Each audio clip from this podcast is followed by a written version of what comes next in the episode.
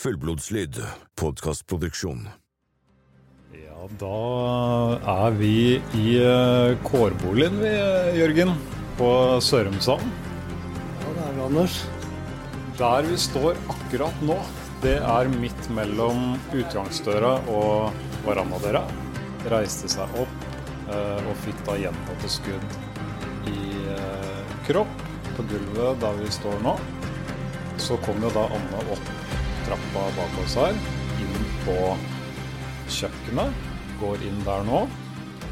Du lytter til Hva skjedde i kårboligen? med Jørgen Tadvin og Anders Vegdal Bjerke. Yes, Jørgen. Ja, nå sitter vi her. Det er mørkt ute. Det er det. Det er ordentlig høstmørkt. Og sol, sola har gått ned, faktisk. Ja, Det vil si, vi sitter her ganske seint på kvelden. vi gjør det. Det er, for, det. er første gang vi gjør også. Vi gjør det. Vi har alltid møttes på formiddagen. Ja, vi har det. Ja. Så Og det er kanskje litt sånn stemninga, da, som kanskje ville være den, denne episoden. Det er siste episode. Det er litt, litt symbolsk. Ja, det er litt symbolsk. ja, ja. ja, for det er jo siste episode, som du sier. Det er det. Da er vi på episode seks av Hva skjedde i kårboligen? Mm. Ja. Eh, og da er jo tanken i denne episoden at vi skal prøve å høre litt fra noen aktører. Ja, blant annet. Mm, at de skal få, på en måte få litt eh, tilsvar. Mhm, mhm. Og det kan vi jo love lytterne at de vil få.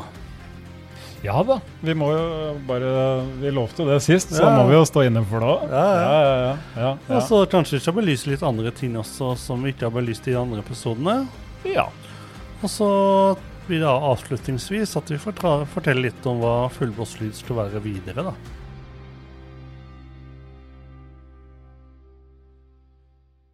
Ja, for nå, nå er jo dette en eh, sesongavslutning. Det er det. Eh, Så, så ja, det er ryddig, som Mm. du sier, å, forklare litt hva man eh, har i vente hvis man velger å følge oss videre, da. Ja. Ja.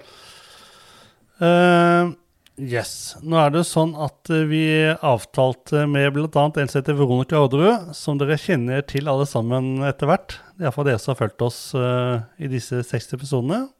Ja. At vi skal ringe henne i dag og høre litt uh, hva hun tenker. Hun har faktisk vært en aktiv lytter av serien selv, har hun sagt. I hvert fall, hun har iallfall hørt, jeg vet ikke om hun hørte alle episodene, men hun har hørt en del. Så da blir det jo spennende å høre litt hva hun tenker, da. Og spesielt kanskje rundt episode fem.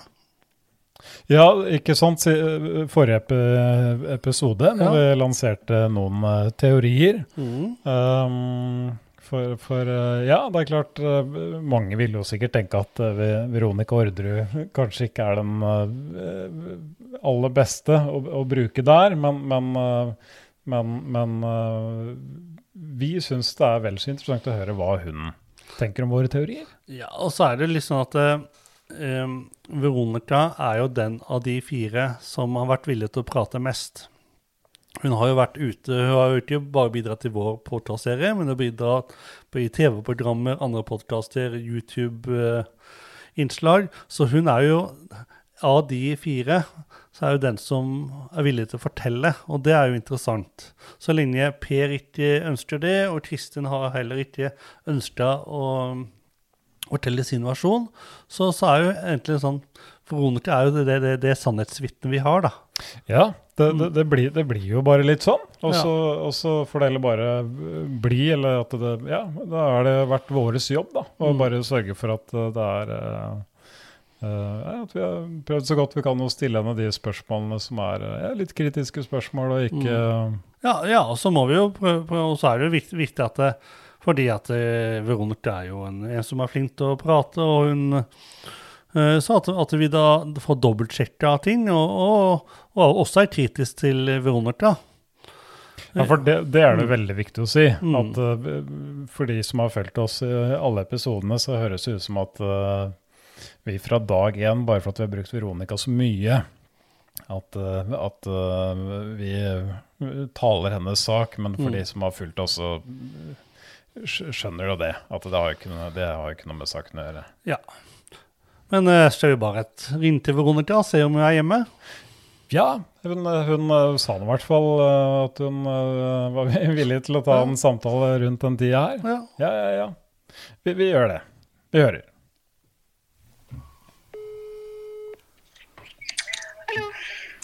Hallo, Veronica. Det er eh, Anders og Jørgen som ringer. Ja, hei. Hei, takk for sist. I like måte. Eh, jeg vet ikke om du har fått tid, Veronica, til å bare høre litt på, på noen av teoriene som, som jeg og Jørgen har eh, prøvd å se litt på. Eh, Jo, jeg har hørt litt på det. Ja, Ja da. Da er vi jo litt spent. Altså, klart, du, du er jo eh, Kall det inhabil på noen områder, men, eh, men, Ja. eh, men eh, vi er litt spent på bare å høre om, du kanskje, om det kanskje er noen ting vi sier som du kan rette oss på, eller ja, generelt tanker, tanker rundt hva vi har lagt fram. Eh, Nei, altså jeg tenker jo at uh, at uh, jeg, er veldig glad for at, uh, at sånn som dere, eller at folk som dere ønsker å se på dette med, med nye øyne, da, altså objektive øyne. Og så tenker jeg at eh, deres teori er like god som min på en måte. fordi at uh, jeg vet jo heller ikke hva som har skjedd. Uh, men jeg tenker vel at jeg konkluderer litt som dere ut ifra at det som nå har kommet frem ikke sant, med dette DNA-beviset som knytter Kristin til, til dette attentatet. Um, så tenker jo, og sånn har jeg vel egentlig tenkt kanskje i, i ganske mange år nå, at, uh, at hun på en eller annen måte må vite mer enn det hun har uh, sagt og, og gitt uttrykk for. Da. Altså at hun er involvert på et eller annet vis, og så er det litt vanskelig å vite akkurat hvordan. Men så vet jeg jo det at hun hadde jo uh, mye koblinger gjennom dette narkotikamiljøet som hun var en del av på, på 90-tallet. Da. Eh, og da også særlig selvfølgelig da mot disse eh, Kosovo-albanere eller serbere, eller disse som på en måte kontrollerte eh, narkotikatrafikken, og særlig amfetamintrafikken den gangen. Um, og det er jo eh, samme gruppe som nå på en måte står for all denne uroen og volden i, i Sverige. sånn at det, det sier jo litt om hva, slags, hva disse menneskene er i stand til å gjøre, da, og hvor mye makt det er i disse nettverkene. Ja, ja. Nei da, vi har, vi har jo vært innom, eh, innom det meste. eh, og og eh, vi er ganske mye tid også til, til, eh, til å tenke i de baner, da. Ja. Tore Sandberg har jo, har jo hjelpa oss godt med, med å peke kanskje litt i den retning. Um, så, så men, men det er jo litt av, har vært øh, litt av vår visjon da, å på en måte se kan det være andre ting enn gårdskonflikten som, som øh, kan ligge til grunn. Um, uh, ja, og så nå, nå er vi på siste ordinære uh, episode. Uh, og vi har jo fått en del tilbakemeldinger fra, fra lyttere og sånn. Um, trenger ikke å ta det her, eh, men, men, eh, eller med deg, men, men det er bare én ting. eh, fordi når det kommer til hvorvidt gårdskonflikten var et, eller kunne da være et motiv eller ikke, så er det så mye som faller på hvor mye er det Marie egentlig Nei, unnskyld. Hvor mye var det Christian og Marie egentlig hadde tiltenkt Anne eh, under den sivile rettssaken? Og vi har prøvd så godt vi kan og undersøkt, men, men vi, vi har ikke klart å finne noe, eh, noe på det. Så jeg tenkte vi kunne hvert fall høre med deg, da, som, som, som var til stede under, eh, under den sivile rettssaken. Om du husker eh, har noe erindringer om hvor mye som egentlig skulle tilfalle Anne Ordrup Haust? Vet du hva, Jeg husker egentlig ikke eller altså, Det er på en måte litt galt å si, da. fordi at eh, altså, Sånn som jeg oppfattet det den gangen, og sånn som jeg husker det, så var jo ikke Amme en del av den sivile saken og del av på en måte det som kalles gårdskonflikten i det hele tatt. Jeg oppfattet det i alle fall ikke som Og så er det så lett nå for folk utenfor å sitte og tenke at liksom, ja, arveoppgjør og arvetvister og Men Anne var ikke sånn. Altså hun var ikke Jeg oppfattet ikke henne å være å stå bak og dytte foreldrene eller sånn. Jeg tenker at det var helt andre krefter. og og, og Christian, som var Pers far, var ganske så stri. Og sånn som jeg oppfattet situasjonen den gangen, så var det jo han som var vanskelig å ha med å gjøre, ikke Anne. Eh, og jeg tror på en måte at det var det politiet falt litt ned på også etter for Vi ble jo avhørt som vitner i forbindelse med jeg husker ikke om det var det første eller andre attentatet. det var mulig det var det andre. Um, og jeg tror nok også de falt litt ned på at det var på en måte ikke noe dekning for å si at Anne var en del av den konflikten i det hele tatt. Eller at hun hadde vært noe aktiv, eller hatt noe aktiv rolle inn i det. Uh, og det tror jeg ikke Per oppfattet på noen måte heller. Uh, så, så, det er noe som på en måte har blitt skapt i ettertid for å liksom underbygge det at gårdsplikten var motivet. da. Men hun var ikke, var ikke sånn som menneske. Altså, hun er jo veldig eh, sånn i gåseøyne. ikke sant? Når det blir snakk om penger og arv og sånn, så er man liksom litt fremme i skoene. Men jeg oppfatter ikke at Anne var sånn. Nei, nei, nei. Uh, og det, det, er vel egentlig det vi har falt litt på. At det er, det er ingen som, mm. ingenting som tilsier at Anne prøvde å uh, stikke noe verken kjepper i hjul eller prøvde å ta noen rolle som uh, Men, men men hvis, hvis, man på en måte zoomer litt ut, da, uh, og, mm. og, man tenker uh, gårdskonflikt, at, at Per, uh, eventuelt dere, da, mm. ikke ville at, at, noe av arven skulle tilfalle Anne, så, så, er det jo i hvert fall sånn vi tenker, da, mm.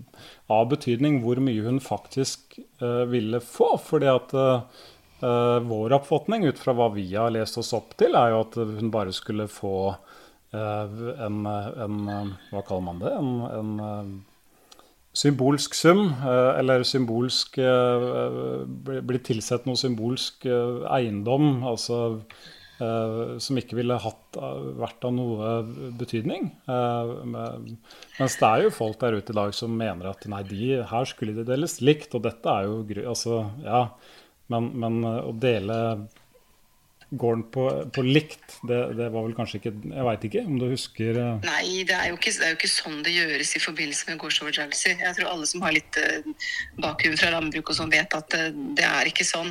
det er jo ikke like ekstremt som det er borti England, da, hvor det liksom er eldste sønnen som arver hele opplegget. Men, men, men, det er jo sånn at hvis gården skal fortsette å være drivverdig, så, så kan man jo ikke dele likt per definisjon. ikke sant? Men, men, så jeg tenker jo at det som hadde, hadde, kommet til å bli gjort, var jo at man øh, altså Uansett i sånne saker så opererer man jo med en odelstakst ikke sant? som ligger øh, ganske langt under det som er markedspris for gården. da. Og en markedspris for gården vil jo heller ikke ha noe med på en måte normale tomteverdier å gjøre. Det vil jo være ut fra landbruksverdien, ikke sant? hva du kan forvente av inntjening på den jordbrukseiendommen. Så Sånn sett så, så er jo dette helt andre tall enn man kunne tenkt seg for for, for normale eneboliger i samme område, da, for å si det sånn. Ja, ja. Sånn at, ja, så det blir jo ikke så store verdier som folk sikkert vil ha til når de tenker at det er liksom store eiendommer. ikke sant? Uh, så, så, det som er normalt, er jo at det ville vært blitt satt en landbrukstakst som liksom blir fastsatt av takstmenn. ikke sant? Og så ville jo hun da fått verdier Eh, hvis man ikke har mulighet til å løse henne ut for penger tilsvarende halvparten av det, så ville hun jo fått verdier, enten det da er tomte eller et hus, eller det var jo flere eh, hus på gården, da.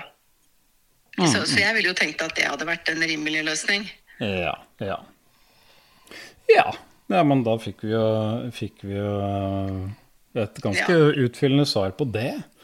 Um, ja, så jeg tror det går på liksom mye av dette er på en måte blitt skapt litt av det at folk har ikke helt kjennskap til dette med landbruk og landbruksverdi og odelstakst og odel. Og, og, bare det at man liksom snakker om at Per hadde mistet arveretten og sånn, men man snakker jo ikke om arverett i landbruket. Det er jo odelsrett, og den kan han ikke miste uansett hvor mye han blir dømt, ikke sant? Nei, nei. Så, nei så, så, det er en del sånne ting som, som, folk nødvendigvis ikke forstår, da, som ikke har på en måte bakgrunn i landbruk. Ja, ja, ja, ja. ja. Mm, mm. Ja, du, nå, hei, hei, Det er Jørgen her. Eh, bare en annen ting som jeg tenkte på, da, hvis vi på en måte ikke skal legge den gårdskonflikten helt fra oss, mm. kan det hende at Kristin har eh, eh, ja, gjort disse drapene på en måte som en gavepakke til dere, da, fordi at hun har vært hjemme mm. hos dere, og dere har prata om gårdskonflikten eller om, om Christian og, og, konflikten mellom Christian og Per. At hun mm. i sin på en måte ruslogikk har tenkt ok, da tar jeg saken i egne hender, og så hjelper jeg Per Veronica da, ved å ta mm. livet av dem. Mm. Ja, for da, da, tenkte du uten å involvere de, men Ja, ja, ja. Mm, mm. ja. Mm. Jeg, jeg, har liksom litt vanskelig for å tro det. For det første kan jeg ikke huske at vi, vi kan godt ha Det kan jo godt ha vært nevnt, eller hun har, kan ha kommet over noe. eller sånn. Det var jo temaer i saken også, sånn så hun på en måte kan ha fått noe viten om det. Men jeg kan ikke huske at vi noen gang har diskutert med henne. Hun var jo ikke på det den gangen da i en sånn hva skal jeg kalle det, state eller form. ikke sant, At det ville vært naturlig å sette seg ned og diskutere den type ting med henne. Eh, altså Hennes liv den gangen dreide seg jo om eh, antagelig rus, selv om ikke vi hadde så mye innsikt i det. Og, og, det, og så snudde hun jo døgnet, ikke sant? så hun var jo våken hele natta og var borte på dagtid. Om hun så vel holdt på med andre ting, det vet jeg ikke. Og så um, var hun jo selvfølgelig opptatt av å få treffe David, da, i hvert fall øyensynlig. da, Det var liksom det hennes liv dreide seg om. Så hun var jo ikke, det var jo ikke noe at hun var så engasjert i så mange andre, tror jeg. Mm. Um, og så er jeg litt sånn usikker på om hun egentlig nødvendigvis har begått noe drap. Det skal jeg være kjempeforsiktig med å si, og det har vi jo ikke noe dekning for å si det hele tatt. Men jeg tenker at det er en del sånne ting som gjør at jeg tenker at hun er blitt brukt på et eller annet vis. da, fordi at det var jo og det går jo frem i denne boka hun har skrevet selv også, ikke sant? at hun hadde jo veldig tette bånd til en del av dette narkotikamiljøet. Og uh, hadde i hvert fall i starten en sånn oppfatning om at hun nærmest hadde fri tilgang til penger og, og rusmidler. Ja, ja. Og, da husker jeg, ikke sant? og da husker jeg jo mamma sa på et tidspunkt at ja, men Kristin, det er det ingen som har. Altså du, På et eller annet tidspunkt så må du betale for dette. Uh, og, den gangen, og da tenkte jeg jo ikke noe på det, men det er klart sånn i ettertid så har jeg jo begynt å tenke på at det, må være et eller annet, ikke sant.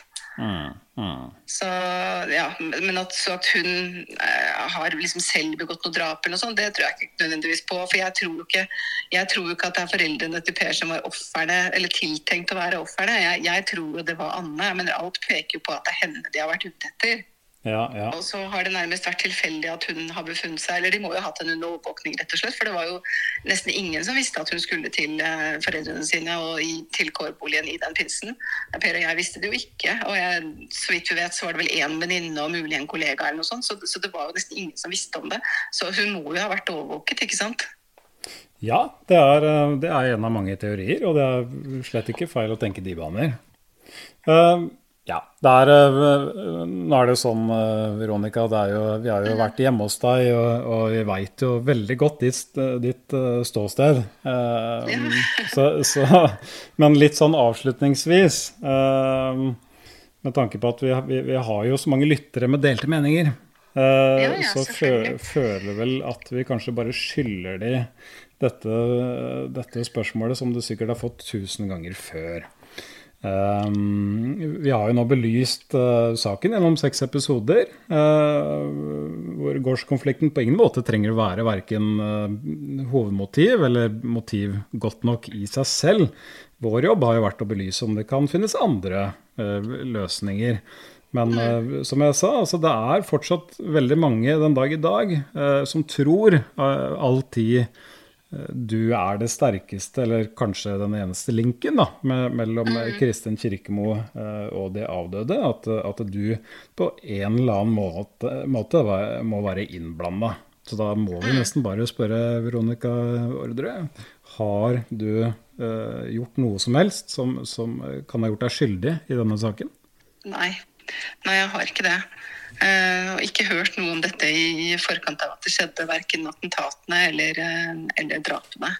Um, og så tenker jeg også at uh, det er jo klart at hvis man på en måte er negativ til meg og, og, tror på dette i utgangspunktet, så vil man jo tolke alt jeg sier feil. Akkurat som jeg føler at jeg blir utsatt for under hele, hele rettgangsprosessen også. Men jeg tenker at hvis jeg hadde vært skyldig i dette, så har jeg tross alt sittet inne i 14 år. Um, og da hadde jeg bare latt dette ligge. Det koster så mye å på en måte fortsatt stå i dette at uh, hadde, det hadde jeg rett og slett ikke gjort. Altså jeg har en god jobb, jeg har en karriere, jeg har alt på en måte på stell. Og jeg føler at det, det er mer en belastning for alt annet jeg har i livet mitt nå å stå i dette, enn om jeg bare hadde latt det være. Ja. Jeg syns det var veldig godt eh, svar til deg, Veronica. Jo, takk. Jeg vet ikke, Jørgen? Ja, nei, så, så, det er jo sånn at kanskje det har vært eh, At det påvirker, dette påvirker livet ditt eh, sånn progressivt mer og mer den siste tiden. For nå er det sikkert mange som ja, podkaster og journalister som tar kontakt med deg. Mm. Hvor mye tid i uka bruker du på saken? Nei, altså det har vært litt grann nå, da, for det er som du sier at nå er det jo folk som tar kontakt. Og så har jeg jo også hele tiden gjort et nummer av å være tilgjengelig eh, særlig for, eh, for unge da, som skriver skoleoppgaver og masteroppgaver. Og, eh, for jeg syns det har vært litt viktig, ikke minst også i forhold til å belyse dette med medias rolle under saken. Eh, og, og så syns jeg det har vært eh, artig, fordi at de unge ser ting helt annerledes enn eh, enn folk som er eldre og som på en måte var med på det den gangen. De har liksom et helt sånn friskt og nytt blikk. da. Og så er de vokst opp med true crime og er nok mye mer kritiske og mye mer åpne, tror jeg. Eh, så, så det syns jeg har vært veldig gøy. Men, uh, men det er klart at som du sier, nå er det, det blir jo fornyet interesse hver gang det er noe som skjer, så, så da går det jo litt tid. Ja. Nei, men uh, jeg tror kanskje vi, vi runder av der, Veronica. Ja, er, øh, da fikk vi litt svar. Det var ve- ve- veldig hyggelig å prate med deg igjen. jo, i like måte. Ha det godt, da. Ok, ha det. Ha det. Yes, Jørgen. Ja, men det var, øh, det var øh, Jo, takk til Veronica. Ja. Da fikk vi både høre henne øh, litt om Uttale seg litt om våre teorier, og så fikk vi også lufta et par spørsmål som vi satt inne med. Ja. Og ikke minst litt sånn noen spørsmål vi har fått fra lytterne våre. da. Ja, ja. Eh, Og- ja, Ja, eh, sorry. Ja, før, Ja. Før vi bare går vekk fra Veronica, for det, for det er jo en tanke eh, som har slått meg tidligere, Jørgen. Uh, det er jo dette at det kan jo være en grunn uh, for at, uh, at Kristin så lett la skylda på Per og Veronica under rettssaken. Fordi at hun uh, oppriktig da mente at hun gjorde en tjeneste, sånn som du sa til Veronica. Um, Ja, altså, ja, sant, da, ja. Eh, jeg bare tenkte bare før, før vi prater om det videre, skal vi bare si at vi har vært i kontakt med eh, forsvarerne til Kristin i Kirtum også. Ja, ja, og, og, og han hadde ikke anledning til å svare. Ja, riktig, Sant. riktig. Så vi bare Eh, si, si det at det, det har jo vært viktig, og det har vært interessant for oss å, å få på en måte Kristin sin syn på dette her. Absolutt. Han, han har ikke hatt anledning til å svare denne gangen. Da har det vært knapt med, med tid for han også, kanskje. Så, så vi får bare si det sånn. Ja. Ja. ja. Ve Ve Vegard Aarløkken, da. Ja, uh, ja. ja, men det er, fint, det er, fint å, å si, fordi vi, vi, vi har gjort et forsøk, i hvert fall. Ja. Ja. ja. Ja. Ja, vi, vi, ja, sånn, sånn, vi spurte jo Veronica om, om Kristin kunne gjort dette som en, en tjeneste på, eller på, på PV Veronica. Ja, At li, det er litt den ru- ruslogikken som Ja, du ja, ja, Ja, ja. ja. ja. -hmm. Og, det, det, og det, er jo, det er jo en teori, det også, på en måte, som jeg har tenkt litt på i det siste. Så, så Ja, for å strekke det enda lenger. Altså, teoretisk sett altså, så, så, eh, kan, jo, kan jo Kristin ha fått eh, Lars eh, Grønnere til til å tro at, eh, at Per og Veronica faktisk har eh, bestilt eh, disse drapene. mm, eh, for å gjøre det lettere for Kristin å få hjelp av Lars, som, som hun da har fått, beviselig. Eh, og som igjen da kan forklare hvorfor han var så bestant eh, i retten når, han, når han sier at dette er Per og Veronica, liksom. Han, Men det er bare en løs tanke. Men, men, eh, men, men eh, at det ikke er eh, nødvendigvis testamentet, men at det er en litt sånn ja, nå hører jeg dere har et problem her. Jeg fikser det for dere, liksom. Ja, ja. Den der ruslogikken der. Ja. Ja, og at hun ikke eh, på en måte ikke har sagt det til Per Veronica at nå skal jeg ta, jeg kan ta livet av de for dere. At, de, de, at Per Veronica har på en måte vært uvitende om det, men at hun har tenkt at eh, nå har de stilt så mye opp for meg, og de lar meg og David være sammen på gården. Nå må jeg bare gi en, eh, en takk, takk for alt dere har bidratt med. Så, så, så gjør jeg dette her, og så kan jeg på en måte være en liten overraskelse for dem. Men det er bare, når du, når du sa at det, det var beviselig at eh, Lars har vært med på det Ja, nå, nå, Sånn, nå tenkte jeg mer sånn alt, Så- Ja, nå, sånn, så nå må du jo bare ja, presisere det, for du- tidligere så uh, har man kanskje tenkt at Lars ikke har vært delaktig i selve drapene. Men Eller hva, prøv å presisere det litt. Ja, altså Ja, takk, Jørgen. Ja. Uh, nei, jeg, jeg tenkte jo egentlig mer fra dag én, alltid med tanke på attentat. Han har skaffa dynamitt og, og vært med derfra, ikke sant? Ja. Uh, men men, ehm, men du tenker jo uh, For å dra det nærmere selve handlingen, da. Så, så, så jeg fikk vel ikke presisert det ordentlig sist, kanskje, når jeg lanserte min teori, men, men, uh, men jeg tenker jo da at, at det er mye som tilsier at Lars er eh, 180 mann. Mm. og, og når, hvis man tenker det, da, og denne mannen da sier at han har faktisk tenkt å begå dette, disse drapene selv, men så noen uker etterpå så viser det seg at han gjør ikke det, for han har jo alibi. Eh, så OK, men, men eh, hvis Lars da er 180 mann, så, så, så vil jo det eh, var det jeg mente. At mm. han har det, det, er, det er noen ting som kanskje kan tyde på, eventuelt eh, ja, at, at han har vært innforstått med mye av dette her, men, men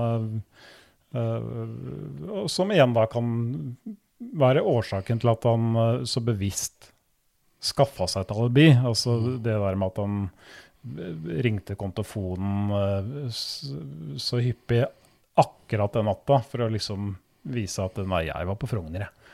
Men, eh, men det er jo bare en, en, en, en tanke, da. Bare for å, for å ha flere muligheter å åpne. Ja, for at det som skiller Kristin og Lars fra Per og Veronica, det er jo at eh, både Kristian og Lars har jo innrømt at det har vært eh, delaktig i noe. Sant? Kristin har jo sagt at hun har vært delaktig i en eh, drapsplanlegging. Hun har henta våpen i Molde for å gjennomføre noe drap på Ådregård.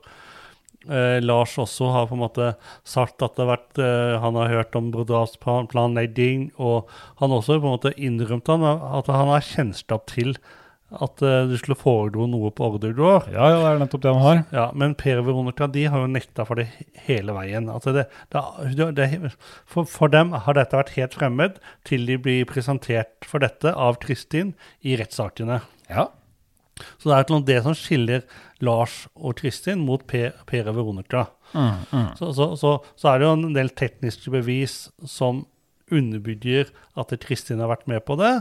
Eh, og iallfall spesielt Per er det jo på en måte ikke noe teknisk bevis mot. Det eneste man har, er at han har ikke vært helt ærlig, helt sannferdig, i rettssaken. Han har gjort om en, eh, at han har forvalta en underskrift, og både Per og Veronica, eh, har gjort om studiene som skjedde den julekvelden. julekvelden. mm. Så det er på en måte at de har ikke vært helt ærlige. Det er på en måte det kan holde mot i, og så er det Kristin sin forklaring, Ja, som primært, ja. iallfall sånn som jeg ser det, som de er dømt på. ja. Men det er ikke noe sånn veldig mye, det er ikke noe teknisk bevis. Nei, og, og så, som du sa, og som vi sikkert har prata om uh, tidligere også, det, det med at Per og Veronica løy så mye, ja, det uh, slo jo dessverre da Eller Dessverre. det, det veit vi ikke, men, men det, slo, det slo i hvert fall tilbake på det. Mm. uh, men det var jo fordi at saken uh, i hvert fall når det kom, uh, gikk på bevis mot Per og Veronica, at de hadde jo ikke noe teknisk bevis. Så det, det dreide seg om tillit. Mm. Og det er klart at, uh, at hvis du da innrømmer å, å ha gjort uh, forfalska underskrifter og sånn, ja, så, men dette ble det vel også råda til. Ja, av sine forsvarere. Ja, eller- ja, ja. ja, ja, Mm. ja. Ja. Så, ja men nok Ja. om det, kanskje. Eh, du hadde jo litt noen tanker om den lille, julaften og Kristin.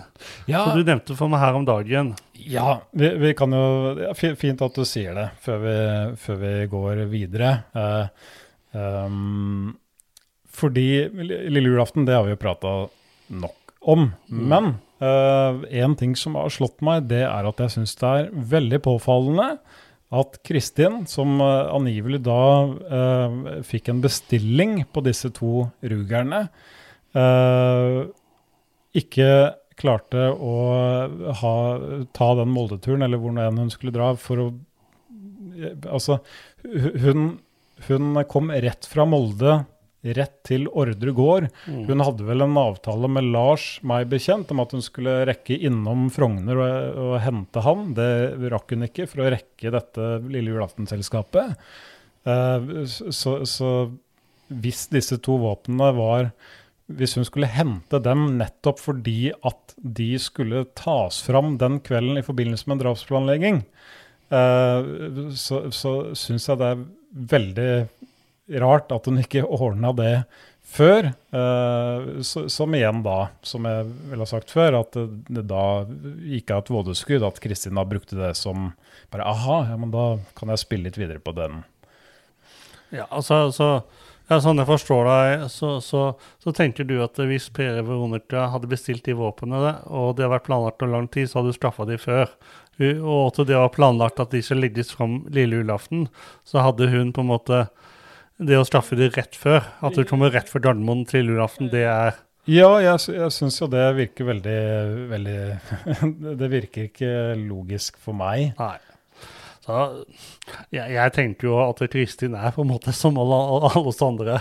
At eh, hvis man skal legge til grunn at Kristin har uh, henta de våpnene i Molde fordi at Per og Veronica har bestilt de, og det, og det er avtalt på forhånd at de skal vises, og de skal fram på lille julaften, og da skal de ha våpenopplæring samtidig, så, så kan det hende at hun ja, er er som alle oss andre, at hun, hun ja, gjør ting i siste liten. At det, sånn, at det trenger på en måte ikke sånn, At det, det trenger jo ikke å være et tegn på dårlig planlegging. men, men, men at det, liksom, det er sånn som oss alle, alle oss andre. Uh, skal vi forberede oss på et eller annet og har god tid, så gjør vi det ofte dagen før. Eh, Nei, men, men, eh, ja. du, har jo, du har jo et veldig godt uh, poeng, Jørgen. Ja. Og jeg regner med at med tanke på den livsstilen Kristin Mm. hadde den gangen, så hadde hun kanskje ikke en en eh, avtalebok eh, som nødvendigvis eh, Ja, ti- ting ble nok tatt, eh, tatt litt på sparket. Så Ja. så ja. Men det er jo greit at du også jeg hadde en tanke om det, og det Mm. Ja, fint. Og, og, og, og bare en liten siste ting. Mm. denne sokken. ja. Um, vi har jo prata om den før. øh, sånn med tanke på at øh, Ja, en del ting da peker imot i retning av Kristin. Mm. Eh, så var det jo en, eh, en kar, eh, det var vel i Dagbladet, tror jeg, som, eh, som eh, sto frem og sa at uh, den sokken, det var oppskri oppskriften, altså strikkeoppskriften til hans uh, mor. Eh, og sokken er jo veldig spesiell, så det er jo på en måte ikke er, Jeg antar at det ikke er så fryktelig mange patenter av den, men det er jo bare en spekulasjon. Men i hvert fall det denne mannen da skal ha sagt, uh, uh, er jo da at, eh, at eh, hans nå avdøde eh, narkomane bror eh, fikk et sånt sokkepar, og at han kjente Kristin Kirkemo. eh, men at eh, han valgte å ikke stå frem i media før eh, da noen år etterpå, nettopp for å ikke inkriminere sin, sin kriminelle bror, da. Så, så bare som en liten sånn Altså, men det er helt løst tanke jeg kom på nå. Ja, ja, ja. ja. Så det var noe jeg, noe jeg kom på nå, på en måte. Ja, ja, Ja, for nå er vi jo ganske sikre på at Kristin har vært delaktig i det. Og det er nok flere av Veronica også, og støtter det langt på vei. ja, ja, ja, Ja. ja. Og så er vi på en måte, vet vi ikke helt hvem, hvem andre som har vært i den leiligheten. Nei, nei, nei. nei, nei, Og at det kan være tossolbanere, ja. Det kan jo være en annen narkoman eh, bekjentskap til Kristin, som eh, Apropos den broren, da. Ja, ja. Men det, er no, det, det, er på en måte, det, det er ikke noe jeg påstår. Nei, men nei, er nei, liksom- Men det faller litt under den at, uh, at hvis det er uh, andre som er initiativtakere, eller som står altså sånn, Dette faller jo litt under f.eks. Våp, våpenet. da, At uh, hvis dette her stemmer med sokken, ikke sant, altså, da har man plutselig en sokk og våpen, som Ja. Kristin har skaffa. Og så er det sånn at eh, det er jo en del vitner. Det er masse, masse vitner. Vi har på en måte belyst noen av vitnene. De fleste vitnene har vi på en måte ikke belyst i hele tatt. Nei. Det er for det er fryktelig mange som vitner. Men eh, noe som går igjen hos mange av vitnene, er jo at Kristin har sagt at eh, hun eh, på en måte skal skaffe våpen til noe drap, det er noen dårkonflikter på en måte At Kristin har på en måte pratet om dette i miljøet. Ja. At hun har også prata om de drapene til denne mannen med disse sortene. Mm. Så det kan godt, og mest sannsynlig har han gjort det. For hun har jo på en måte, Det virker som i hvert fall for meg at eh, Kristin har vært på en måte på leit etter noen som kan hjelpe henne med disse drapene. ja. Og så er jeg litt usikker på hva som er motivet. Følge vitnene så har jo Kristin oppgitt forskjellige motiv til litt forskjellige personer. Og hun har jo oppgitt den gårdskonflikten eh, til noen av de, men om hun har oppgitt dette for å kamuflere hva som egentlig var tanken, eller hvorfor hun har sagt det om gårdskonflikten, eller om det er gårdskonflikten som er motivet for Kristin, Mm, eh, det, det er jo vanskelig å si. Og, og, og om disse vitnene forklarer seg sannferdige og sant, da. Ja. Sant? Og det er jo som du sier at vi, vi har eh, unnlatt uh, veldig mange vitner. Mm. Uh, noen enkeltvitner har vi nevnt, ellers har vi jo trukket inn eh, Trukket inn eh, Ja, eh, hvis det har vært flere uavhengige vitner som, Mm. som kan si det samme. Men som vi påpekte i eh, forrige episode, eh, så, så fulgte vi jo opp noe av dette Kristin da angivelig skal ha sagt Mm. som, eh, som eh, Lars både skrev under på, blei ettergått av denne privatetterforskeren. eh, eh, altså, det, er, det er jo mye av dette som Kristin har sagt, som, som da har vist seg at stemmer. Mm. Uh, men ja, vi har unnlatt mange vitner, og det, det har vi vært nødt for, på en måte. Både tidsmessig og for å, for å prøve å ikke uh, Ja, vi må være litt selektive her. Og så er det jo Det er jo på en måte noe som går igjen, både ja, for så vidt i vår podkast, men eh, særlig kanskje i dokumentarserien til Millie og Borta til Millie og sånn. Det er jo det vi kaller 180-mannen. Ja, Som er på en måte det er jo, Og det var jo en av de sentrale bevisene i rettssaken, den samtalen som skjedde til Opplysningstjenesten 180. Men vi vet jo ikke hvem som gjorde den samtalen. Men vi vet at det er en norskspråklig kar som prater godt norsk, og som hadde kjennskap til Ordre gård. Det var en voksen mann, Blei ble vel anslått til å være eh, 40 pluss. eh, Og som du sa, ruset eller beruset. At han Mm. fremsto, det. Eh, eh, mange ville jo ha det til at det var Per Ordre, eh, men han blei jo skrevet ut eh, Mm. av saken. Eh, men, men eh, at det da er en, som du sier, at denne mannen visste om dette her og nevnte pinsen og Eh, eh, og at han sa vel rett ut at man skulle jo da drepe noen, og det får man eh, bare se på nyhetene Mm. og henvise eh, til pinsen. Så, så, så Uansett hvem denne mannen var, så, så er dette i hvert fall en mann som eh, sitter med svar. Ja. Ja da, altså det er, jo, det er jo ett navn som har kommet opp på den samtalen. Det er jo, en, det er jo Lars, da. Ja, eh, ja, ikke sant. Etter at Så- eh, alle disse på eh, hjemme hos eh, Sverre Kirkemo Det er ikke at alle er skrevet ut av det, men, men, men så dukka plutselig denne verste verkstedeieren opp og, Mm. og, og sa at Lars i det tidsrommet hadde vært inne og lånt en telefon. Så, Mm. så, så ja. Og så er det jo en del kilder eh, som sier at det er en annen fyr fra rusmiljøet Er det det? som har eh, Nå skal ikke sånn dybden på det, Nei, nei. men, men som har vært en del på Ordre gård eh, og, og hjulpet uh, Per med ja, liksom ta inn høy og gjøre ting. Så han er på en måte kjent på gården. Altså, Som kan godt hende også kan være denne personen, da. Uten at jeg vil så gå dybden på det. Og det er fordi at jeg ikke med nok inngående kunnskap om akkurat denne personen. Men det er et navn som jeg hører blir nevnt. ja, riktig. eh, også- en gårdsgutt. eh, altså- ja, som er på en måte Det er Som jeg forstår, det er en person som har blitt kjent med Per gjennom Kristin. Mm, Så det er jo en av vennene til Kristin som har vært en del på gården og hjulpet litt til. da. Å ja, sånn, ja. Mm. Så det er en kobling der. Ja, Så det er ja. Kristin som er koblingen. Men det er ikke denne Så- personen selv har aldri sagt noe om eh, Eller Ja, nei, eh, det er, det er jo vitner som sier at det, dette, eh, dette kan være Hundeåsemannen. Ja. Mm. Sant? Og det er jo en kobling med Kristin, og da sant, at ha, Kristin har da bestilt bestilt dra, eller spurt han om han kan hjelpe ja, okay. eh, henne Ja, nei, med det- drapene.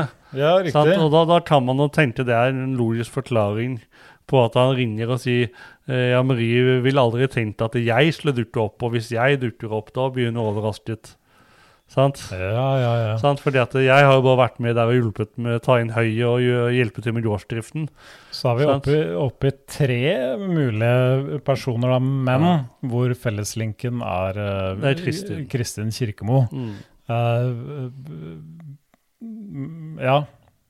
Men da igjen interessant at det han Hvis dette er noe hun hadde bestemt seg for, uh, ut ifra hva han sa, Mm. så, så, så høres det ut som at han kjører den telefonsamtalen solo. Dette er ikke Dette er mest sannsynlig en samtale Kristin uh, ikke vil at skulle Ja. ha skjedd, ikke sant? For Ja. han sier jo Han legger jo fram planer. Ja, jeg tenkte det at hvis den samtalen skulle være Lars, så, og hvis den samtalen skulle være en annen bekjentskap til Kristin i rusmiljøet, Ja. så, så, så tenkte jeg at de har sittet og ruset seg, og så har de fått ha dårlig samvittighet eller et eller annet, og så på en måte blir det til at de ringer den samtalen. Mm, mm. Og så, og så på en måte for å ja, lufte hjertet sitt litt, eller uh, få en utblåsning, da. Ja, ja, altså det var jo Ja, det lurte jo på Anne litt sånn, men, men, øh, det er jo som du sier, det dreide seg fort om til å nærmest bli en liten sånn øh, øh, Ja, en som trengte å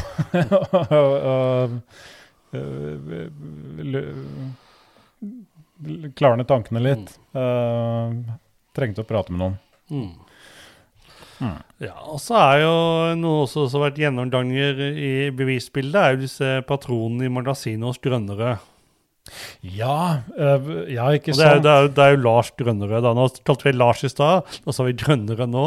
Men det er jo på en måte Lars Grønnere, da, som Ja, ja. Mm.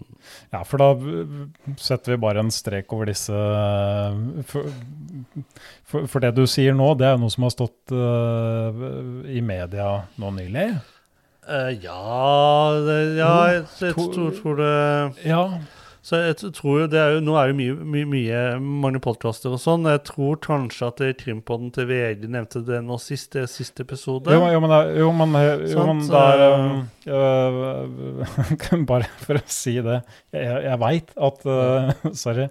At VG hadde en artikkel på det nå okay, nylig. ja. Ja. Fordi at uh, uh, det er noen danske, sånn, si, danske Kripos da, Ja. Som, som har tatt tak i disse patronhylsene. Mm. Uh, um, for, for den gangen eh, i 99, eller starten av 2000-tallet, da når de kikka på dette her, så, så, så var det jo liksom eh, Ja, det ble jo ikke bevis, men de tenkte at det var en høy sannsynlighet pga. disse Mm. ripene i Mm. hylsene, at, at eh, noen av hylsene som, som stamte, stem, stammet fra, fra, Mm. fra åstedet, var på et eller annet tidspunkt blitt lada i magasinet, som ble funnet hjemme hos Lars.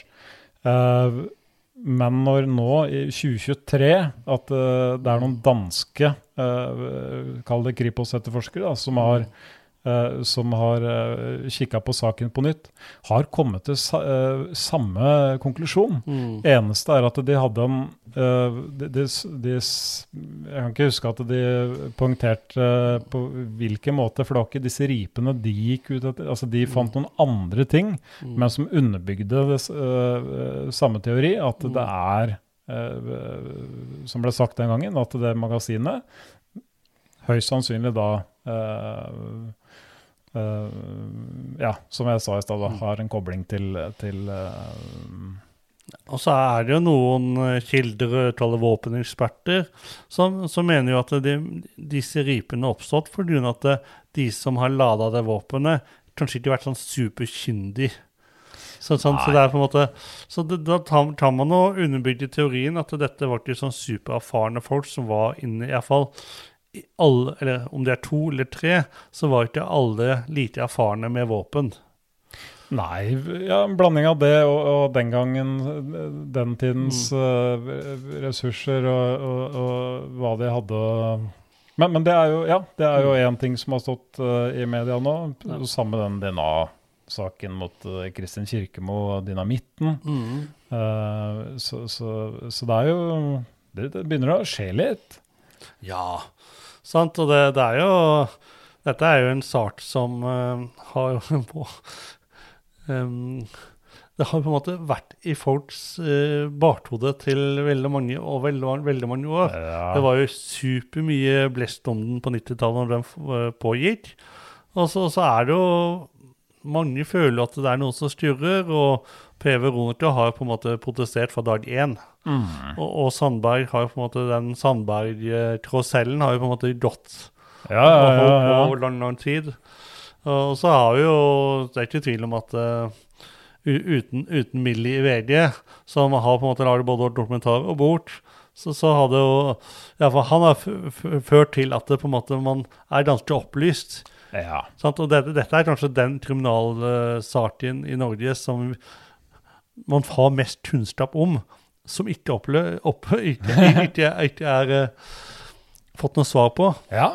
Det, så det, vi, Som absolutt er med på å bidra til å gjøre saken veldig ja, interessant. Ja, ja, ja. og, og, til dels mer kaos også. For at vi vet sinnssykt mye. Vi vet, Det er masse vitneutsagn, masse tekniske bevis som er diskutert mellom eksperter.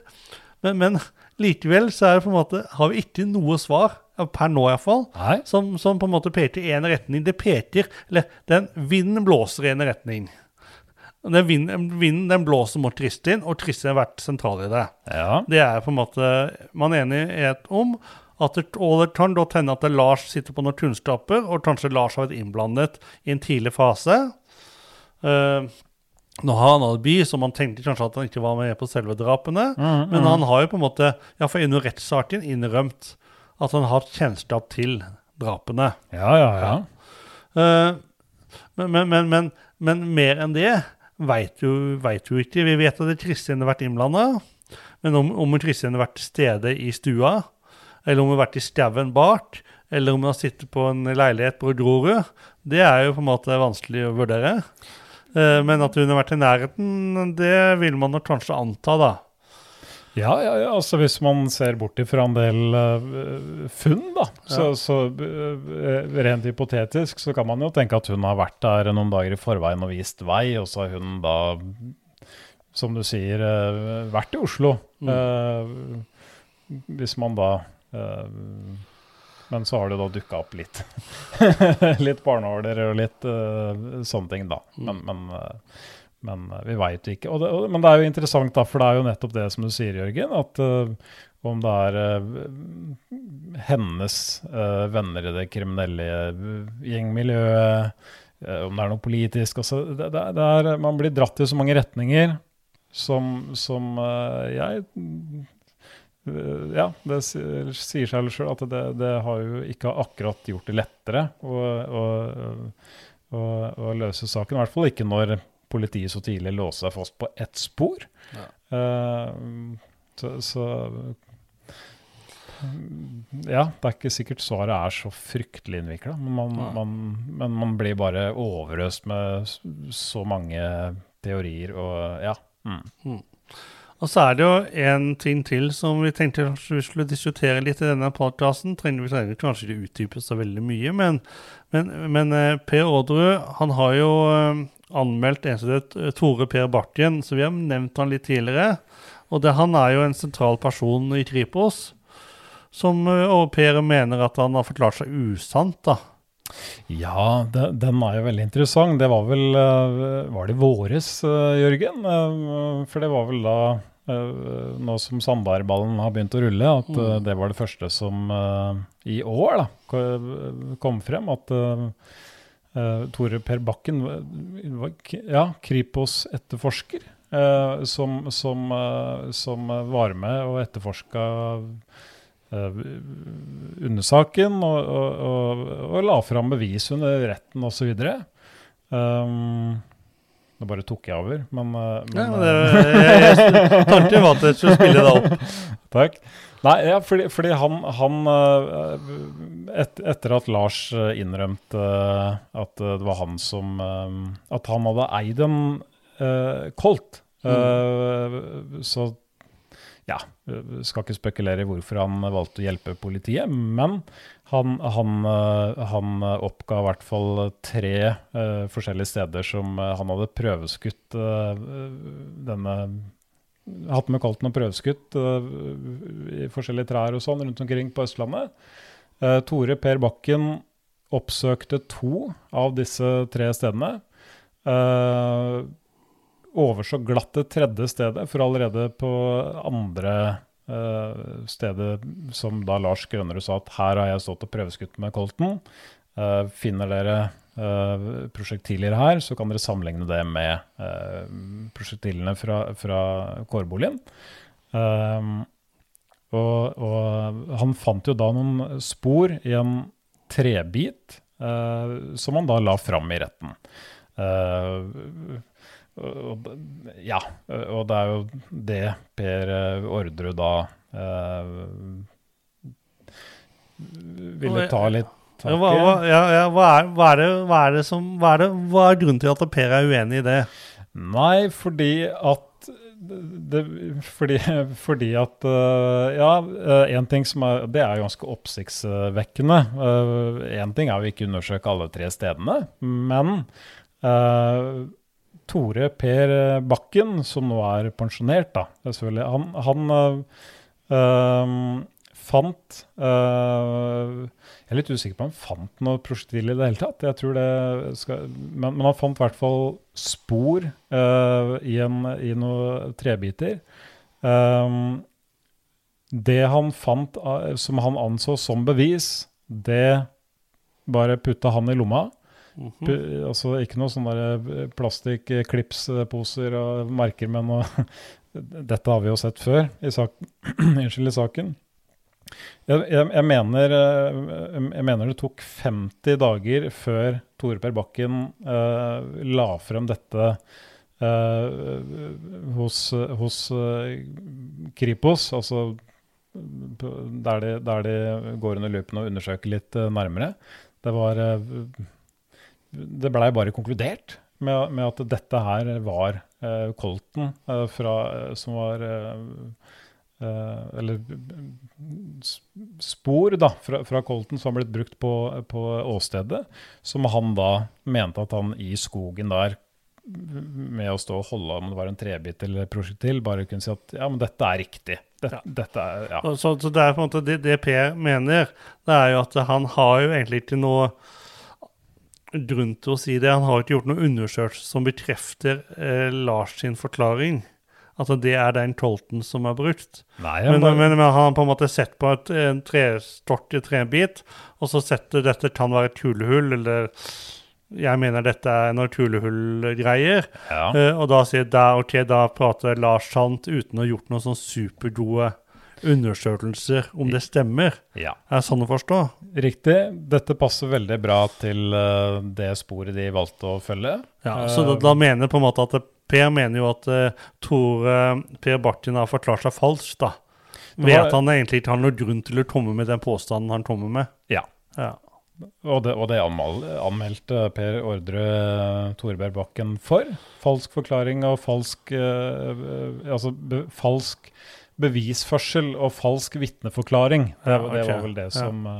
Men når du først er innpå det Vi, vi, vi eh, tok jo en kjapp prat med advokaten til eh, Per, eh, Arvid Sjødin.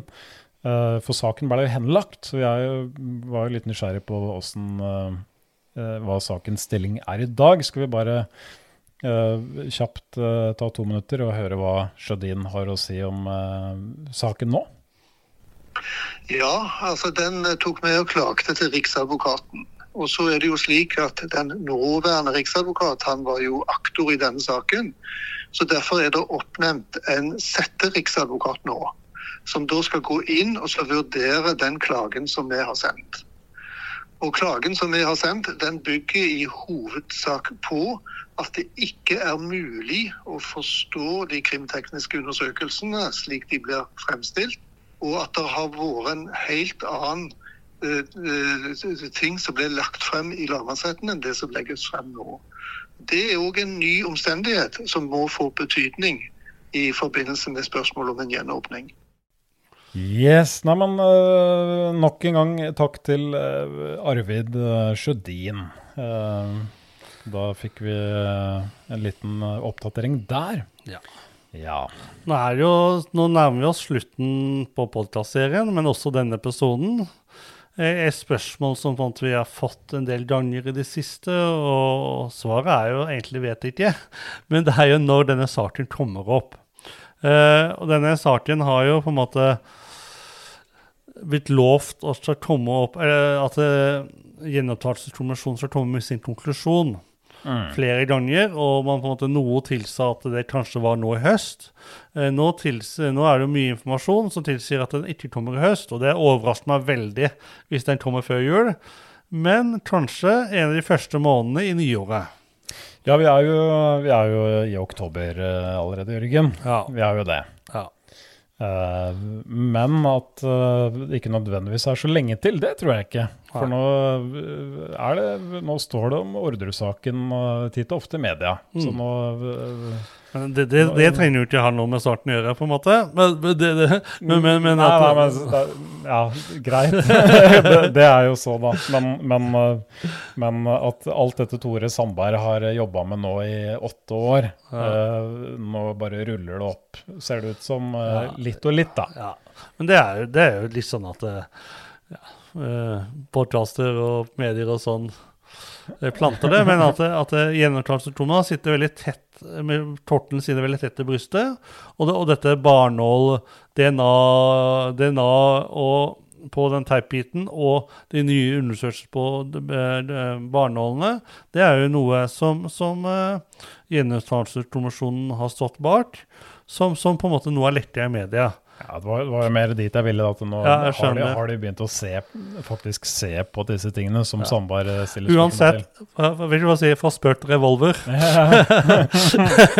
men men, eh, men at, at de nærmer seg, de bør i hvert fall nærme seg. At, eh, men det blir ikke nå før jul, men at vi får håpe at det kommer over jul. Og ja, eh, tidlig neste år kanskje, så, så kommer denne saken opp. Forhåpentligvis. Ja. ja. Eh, og så er det jo sånn at vi har jo får, uh, fått en del innspill fra dere som lytter på oss, og det er veldig, veldig hyggelig. Ja, det er det. Uh, nå stilte vi noen av de spørsmålene til Veronica. Men videre spørsmål de kommer vi til å besvare på sosiale medier i vår, gjennom våre kanaler, altså enten på Facebook, Instagram eller eh, på, på, på YouTube. Ja. Under videoene der. Eh, så hvis dere har noen spørsmål eh, som dere vil ha svar på, så gjerne fortsett å stille oss de spørsmålene.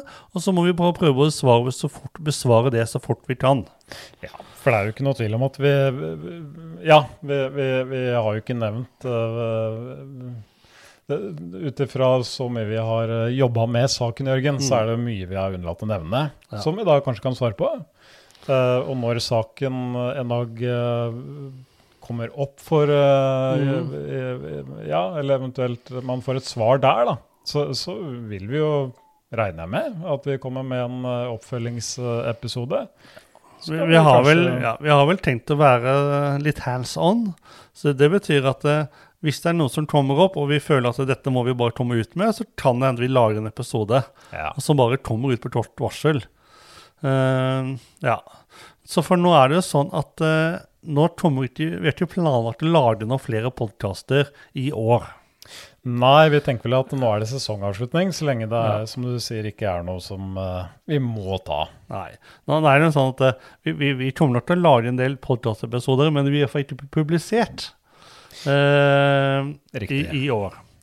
Og så er det sånn at den, det vi kaller fullblodskrim, som er på en måte true crime-delen av vår, vårt uh, podkastfirma, som heter Fullblodslyd, Ja. Eh, det, der skal vi fortsette å lage det vi, det vi kaller kriminelt gode historier. Ja, ja, ja, ja, ja, Jeg, likte den. Jeg likte ja, den. Ja. Eh, og det er jo at vi får se litt når vi kommer med en ny sesong, men det blir jo på nyåret. Men da blir det kanskje en litt annet format. Eller litt annen, annen måte å fortelle historier på. Ja, det kan, det kan godt være. Ja. Det er, eh, ja, ikke sant? Om Også- det er enkeltepisoder, om Mm. det er eh, flere, om vi jobber litt ulikt uh, Mm. på det, men, men, uh, men fortsatt under samme paraply, da. Ja. Og så, og det er jo uansett tenkt at det skal komme ukentlige episoder. Og nå har vi laget, lager vi seks episoder av den, det, vi har kalt uh, 'Hva skjedde i tåboligen?' om Odderud-saken. Ja. Uh, og så er jo tanken at vi skal lage uh, flere neste seks episoder. At dette da se om en serie som kan på en måte tusle og gå litt Mm, mm. over tid. Over mange mange måneder. så tar vi kanskje litt pause i jul og sommer og sånn, men at dette er en serie som tusler og går. ja. Og, og, og kanskje ikke så profilert eh, Altså eh, så interessante historier som mulig, men, Ja. men eh, nå er det som jeg har sagt tidligere, at ordre blei veldig tilfeldig. fordi at eh, ja, Pga. gjenopptakelseskommisjonen og sånn. Eh, men men eh, vi, prøver jo, vi skal jo prøve å gå litt våre egne veier, eh, Jørgen. Ja, altså, vi, vi, vi har jo et ganske bredt kildenettverk som vi, som vi tenker er litt annerledes enn veldig mange andre podkaster som vi har hørt. Så, så det, vi har vel tenkt at det, vi skal prøve å telle, fortelle litt annerledeshistorier fra dette miljøet, som, som vil skille seg litt ut fra andre som forholder seg til de samme tematikken da, Ja. som vi vil forholde oss til. Ja, ja. Så, så vi har noen, noen tanker, og, og vi har jo prosjekter som på en måte har begynt å rulle litt i det skjulte. ja. Så, så vi håper jo at dette blir veldig veldig spennende, og at vi kanskje vil skille oss litt ut. Altså Ja. et, et, sånn- et lite supplement til de andre true crime eh, Ja. ja, at det blir, ja, at det ikke blir en rein true, true crime, Ja. liksom. Litt, sånn- mer utenforskap, kanskje. Ja.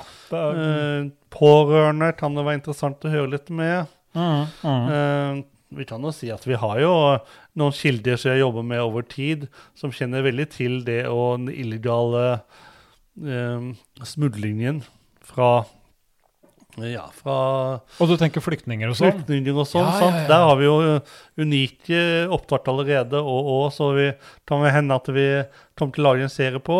Ja, Ja, og, og veldig, veldig mye annet, da. absolutt, absolutt. Mm.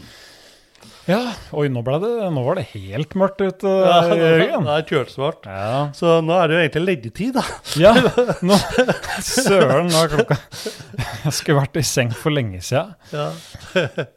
så vi får vel bare si natti natti, og så høres vi jo sikkert snart.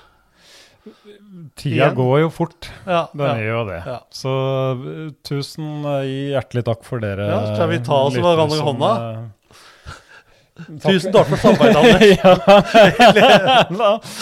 jeg skulle si takk til lyttere, men veldig, veldig fint. Vi må jo takke hverandre òg.